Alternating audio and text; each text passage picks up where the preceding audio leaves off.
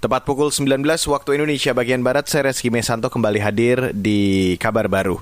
Saudara, jelang libur panjang pekan ini, pemerintah menghimbau masyarakat tidak mudik guna mencegah ancaman penularan COVID-19.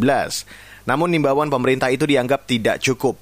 Epidemiolog dari Universitas Griffith Australia, Diki Budiman, mengatakan, seharusnya pemerintah mengeluarkan larangan mudik dan bukan sekedar imbauan.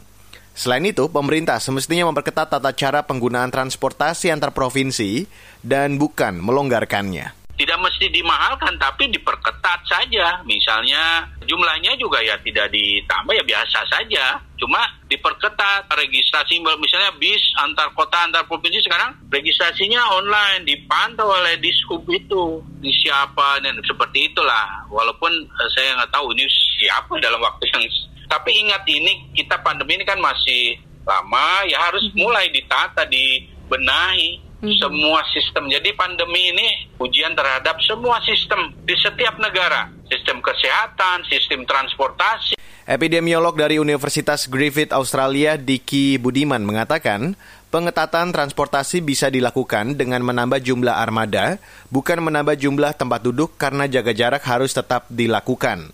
Selain itu, pemerintah mestinya memperlakukan tes COVID hingga pemantauan secara online. Dengan begitu, jika ada satu individu terpapar, maka pelacakan bisa mudah dilakukan. Libur panjang dimulai Rabu besok hingga akhir pekan ini atau selama lima hari. Sementara itu, Gubernur Jawa Barat Ridwan Kamil memperlakukan status siaga satu mulai hari ini untuk mengantisipasi libur panjang. Ridwan Kamil mengatakan, petugas kepolisian diturunkan ke lapangan untuk menjaga titik pergerakan arus pergerakan orang. Khusus di jalan tol, pengawasan dipusatkan di Cikopo. Ridwan Kamil mengatakan pemerintah juga menambah petugas di daerah-daerah wisata seperti di Lembang, Puncak, dan lain-lain. Tak hanya itu, pemerintah daerah juga bakal melakukan tes COVID-19 secara acak pada penumpang arus mudik atau wisata. Mohon maaf, nanti para pemudik wisatawan akan mendapati dites swab dan rapid test secara acak ya. Jadi jangan kaget nanti lagi mudik, naik mobil, naik motor, atau ke perjalanan di pariwisata akan diberhentikan dengan baik oleh sop dan sopan oleh tim Satgas dan kepolisian untuk di random sampling melalui sebab swab uh, eh, PCR dan rapid test. Gubernur Jawa Barat Ridwan Kamil menambahkan, upaya lain mencegah munculnya klaster penularan COVID saat liburan adalah memastikan tempat wisata mematuhi aturan pembatasan kapasitas. Selain itu, tempat hiburan malam seperti kafe, restoran, dan bar wajib menerapkan protokol pencegahan COVID-19, mulai dari pengaturan jarak, pembatasan kapasitas, sirkulasi udara, dan yang lainnya. Kita beralih ke informasi lain, sejumlah kawasan di DKI Jakarta tergenang air hingga banjir akibat hujan mengguyur pada Selasa 27 Oktober sore.